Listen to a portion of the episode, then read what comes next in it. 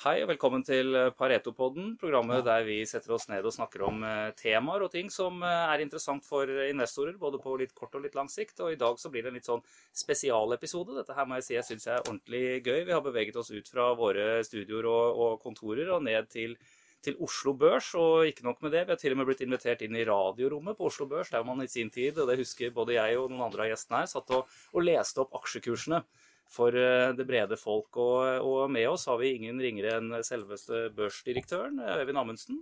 Det var gøy å kunne komme hit. Du, jeg syns det er veldig hyggelig at dere hadde anledning til å komme hit. Dette setter vi veldig stor pris på og ta del i, så dette er veldig gøy. Og som du sier, dette rommet her har eh, vært veldig mye kurser som har blitt lest opp gjennom tidene, før man da hadde da mer Sikkert moderne. skapt både glede og sorg i de tusen hjem der ute. Så. Og med oss har vi en, en, ordentlig veteran fra Pareto også, Lars Ove Skorpen eh, fra Corporate Finance-avdelingen vår. Stemmer det. Jeg har vært i Corporate Finance i 22 år og jobba med cleantech, fornybarselskaper i hele den perioden, og syns det er fantastisk det som skjer nå. For nå er det helt on fire. Men vi har vært der hele veien, men det har aldri vært sånn som det er nå. Du også syns du hører litt sånn ekko av noen aksjekurser, Orkla Borregaard og sånn, som kommer komme i, i, rommet her? Ja, jeg er jo en gammel mann. Jeg satt jo og hørte på disse tingene her, og uh, den interessen har jeg jo bevart hele veien. Så uh, nei, det er mye historie det bygget her. Men det er mye, det er mye spennende på agendaen nå. for Helt konkret så er jo vi her nede for et, et seminar som Pareto skal ha sammen med Oslo Børs uh, denne uke, hvor det er temaet egentlig nye selskaper innenfor cleantech. Eller, eller, eller, nye. Noen av de har jo lang historikk. Man kan jo si at kanskje børsen er, er ikke stedet hvor selskaper fødes, men hvor de kanskje konfirmeres. Hvor man trer inn i de voksnes rekker og, og, og blir, kommer inn i en annen struktur og får et helt annet søkelys eh, på seg. Eh, og, og, som Lars Ove nevnte, så er jo interessen nå veldig stor for, for energi og, cleantech og alt det som, som eh, går omkring det. Og jeg mener det sto i Dagens Næringsliv i dag at nå var Oslo Børs Europas energi- eller cleantech-hovedstad. Det stemmer. Så at vi er på, på clean energy-hovedstaden i Europa, og det syns vi er utrolig moro. Fordi vi har jo vært eh, en av verdens største børser innenfor eh, energi totalt sett tidligere, og det har vært veldig mye fossilt.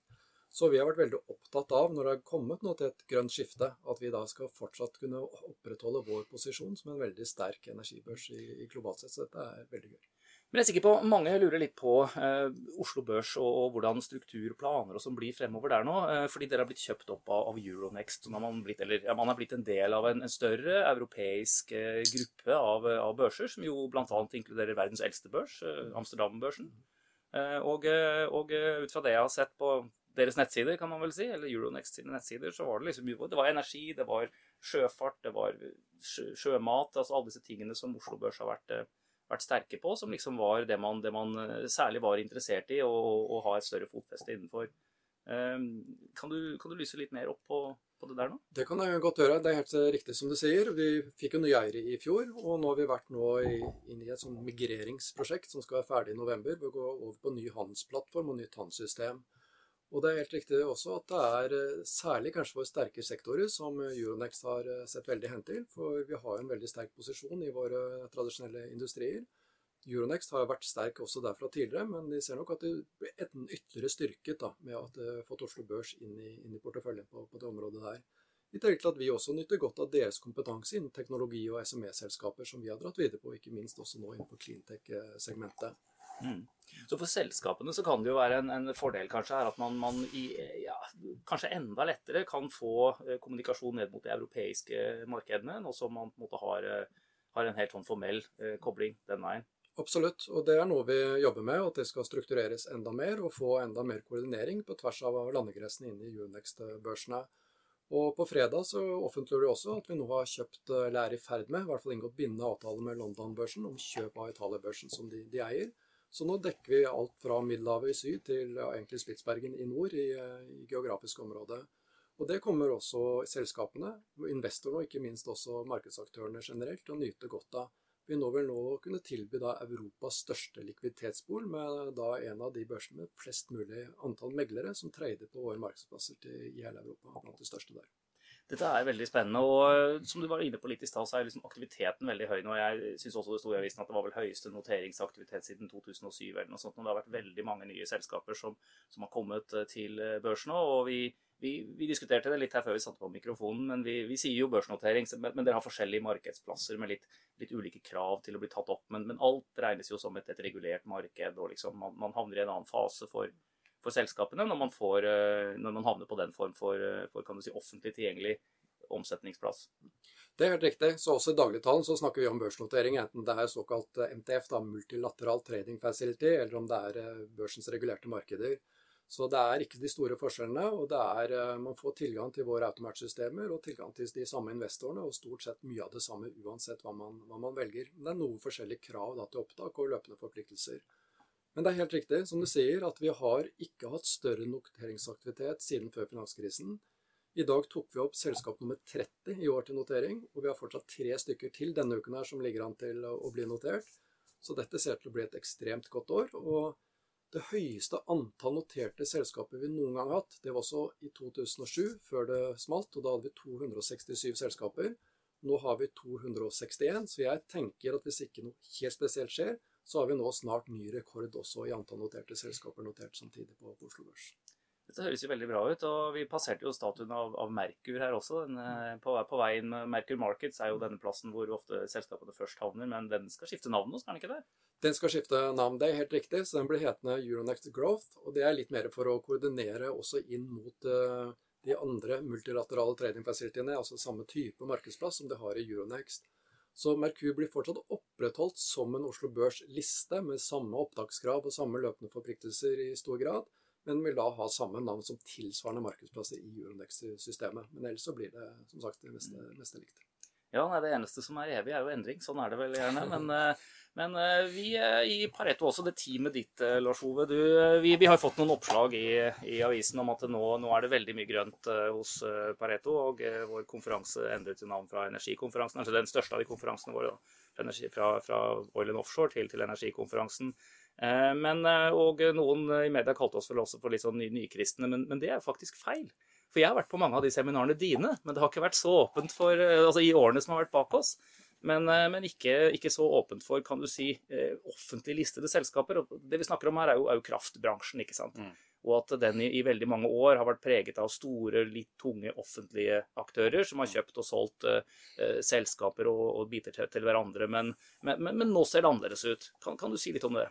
Ja, altså De selskapene er jo der fortsatt, mange av de, eh, og veldig mange av de er offentlig eid. Eh, men det vi ser nå, det er jo en knoppskyting eh, på utsiden av det systemet der. Og egentlig innenfor veldig mange områder. Og f.eks. For i forhold til fornybar energi, så kommer jo vi opprinnelig fra vannkraft. Men vind og sol blir stadig mer viktig. Også bioenergi. Uh, og så har du selvfølgelig også alt som har med effektivisering å gjøre. Uh, det være seg uh, i forhold til å kunne da nettopp ta den type kraft som vi her snakker om. For at sol og vind, den får ikke du på med en knapp. Den kommer når det er sol og det kommer når det er vind. Og da trenger du også teknologier for å kunne ta den kraften enten i forhold til effektivt absorbere den i nettet, eller f.eks. kunne sette den da på batteri og lagre den for, for fremtidig. Så det er klart at her skjer det veldig mye. Eh, og eh, vi har samla nå til den konferansen vår på torsdag 13 eh, selskaper som vi føler representerer veldig mange spennende fasetter i, kall det, cleantech, fornybarsiden.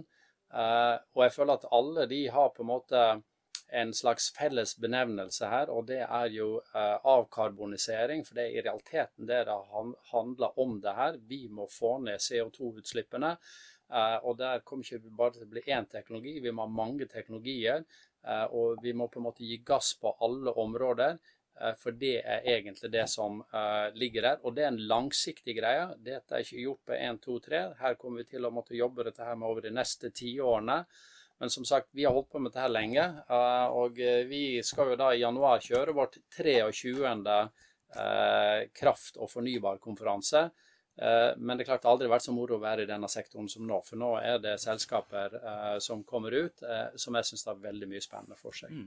Og, og, mange lurer litt også på hvorfor så mange av disse eh, har utspring i Norge. Og her, vi har sett litt på det og diskutert dette i, i gangene over en kopp kaffe oppe hos Pareto også. Og, og jeg må jo si at jeg hadde ikke trodd det skulle bli en konkurransefordel, men når man tenker gjennom det, så er det ikke så ulogisk. Altså strenge norske krav, myndighetskrav egentlig, har eh, gjort at det har vokst fram selskaper som plutselig nå har en, en, et konkurransefortrinn, fordi vi jo nå ser at, at, at, eh, man plutselig må begynne å løpe om kapp med EU.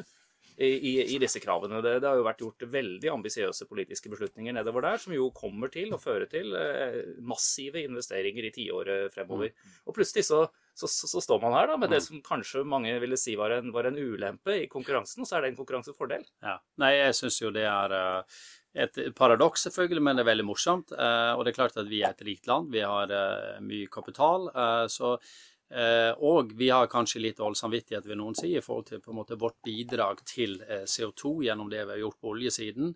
Men uansett så tror jeg det er helt riktig det du sier. Det er miljøkrav, eh, og det er særlig elektrifisering nå. Husk, i Norge så er det mer enn annenhver bil nå som er elektrisk. Ingen land som er i nærheten av oss. Og Det er klart det gjør Norge til et testlaboratorium i forhold til å ha særdeles høy grad av penetrasjon av elektriske biler ute.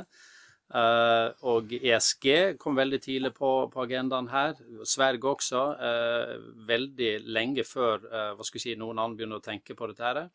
Så det er klart at ut av disse her strenge reguleringene så kommer det en del selskaper da som, som vi helt klart ser har livets rett. For vår hypotese her er jo at dette er ikke en døgnflue.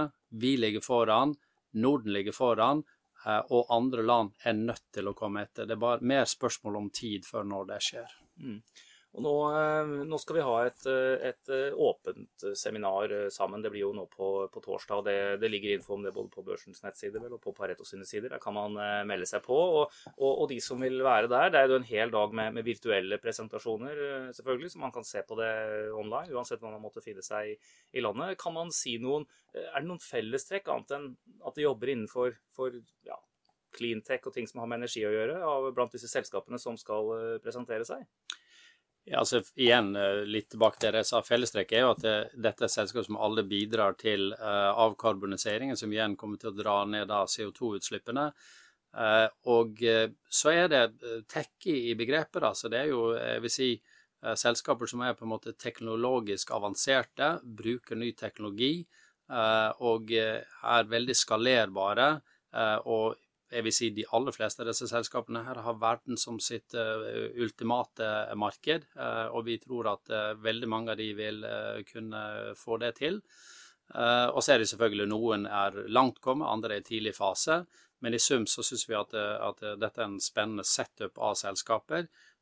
og vi ser fram til å følge disse her videre. Og jeg tror at mange av de er jo trolig mer eller mindre klar for notering allerede, mens for andre så ligger det kanskje måneder, et år fram i tid. Eh, men eh, vi også ser at investorene er klar for dette her på en helt annen måte enn tidligere. Eh, investorene ønsker, De ser de har missa mange tog i forhold til tech-selskaper tidligere. Det ønsker ikke de. Nå ønsker de å komme mye mer tidligere inn. Og det er veldig, veldig positivt. Så ja, her er det bare å heie på, på disse selskapene. Mm. Og eh, Det som har vært eh, kommunisert eh, i forkant av, seminaret, er også at dette er selskaper som, som er på vei mot børs, men, men, det er jo ulik grad av, av klarhet på det. Og så er det selvfølgelig liksom selskapssensitiv informasjon og all den type ting. Men, men, men når et selskap liksom jeg kan spørre børsdirektøren her, da, kanskje når, når, er det på tide å gå på børs? Når man er et, i et selskaps kan du si, liv? Nei, Du skal komme et lite stykke på, på, vei. For jeg tror at de selskapene som er helt nyfødte, de bør bruke tiden litt eh, internt i forhold til å utvikle da type produkter og få organisasjon og struktur på plass. Og kanskje ha med seg investorer i en tidlig fase som er mer industrielle, eller som kan hjelpe selskapet tidlig. Så det er nok først når det har kommet opp ungdomsårene, men der tror jeg nok man fort kan nå, som vi også hører her nå, at investorene er nå interessert i å gå inn i tidligere selskaper så selv om det er en prekommersiell fase og ikke landet de store kommersielle kontraktene foreløpig, så kan det godt være at det er modne og egnet for å være, være, på børs. Så ikke de aller yngste selskapene, men du trenger ikke ha kommet så langt at du er eh, kommet langt inn i, inn i virksomheten. Mm. For, for, her er det jo eh, egentlig helt sentralt inne på, på hva en, en, et, et meglerhus også er. Vi sitter jo ofte i, i midten og rådgir selskapet gjennom disse prosessene. Børsen er er stedet man, man, begynner å snakke med når, når, de skal, eh, eller når det tas en beslutning på at det skal eh, noteres. Og så, er det ofte en jobb med å, å, å hente inn kapital for å finansiere vekst. fordi ofte så er jo det den kan du si, eventen eller transaksjonen som, som gjøres da, når et, når et, selskap går på børs, at man henter inn ytterligere kapital til helt konkrete eh, vekstmål. Ehm, du Lars Ove, sitter vel med lista over de selskapene som skal, skal, delta. Vil du si noe spesielt om, eh, om liksom hva, noen smakebiter på, på, på, hva man får møte der? Altså, eh, Egentlig veldig bredt, da, men bare for å ta noe. F.eks. Corvus er jo ledende i verden på sitt område. Batterier for altså marin, ferjer og den type ting ligger veldig langt framme. Uh, jeg syns jo også at eSmart uh, i forhold til overvåkning av linjer med, med, med droner og den type ting uh, sørger for at vi får oppetid. den type teknologi kunne jo kanskje gjort at California ikke var i det problemet som de hadde med linjer som da faller ned på bakken, setter i gang branner. fantastisk spennende selskaper. På batterisiden også i tillegg så har du Freyr som skal bygge en, en svær fabrikk oppe i, i Mo i Rana. Så jeg føler at her er det veldig mange spennende selskaper. Men de er forskjellige. Uh, vi har ett selskap faktisk denne gangen som, som uh, all the way from Australia, Down Under, som da også har en, en veldig spennende teknologi. og det er jo på en måte miljøbevissthet som, som er på en måte et kjennetegn ved disse tingene. Sustainability. Så jeg tror det blir, som sagt det blir en bra lineup. Mm. Ja, det er litt artig det der. Jeg har jo opplevd før på en helt annen sektor, det var jo sjømat, da, at eh, på sjømatseminaret vårt at det plutselig dukket opp selskaper fra helt andre siden av verden fordi de naturlig hørte hjemme i den, i det tilfellet her sjømatnisjen, da kan du si, så, som Oslo Børs er spesielt sterke på. Det er alltid gøy å se hvor, hvor, store fellestrekk man kan ha, som jo selvfølgelig er det som gjør at det kan bli verdensmarked for ting. Men eh, det er alltid gøy å se litt på forskjellene, og akkurat eh, den presentasjonen fra og det sjømatselskapet husker jeg fra Australia var gøy, fordi de, de hadde et, et, stort problem der med, med seler med hoggtenner og, svær beist, som, eh, som, gjorde at du kunne ikke bruke det samme for Du måtte ha metallbur rett og slett ute i, ute i sjøen.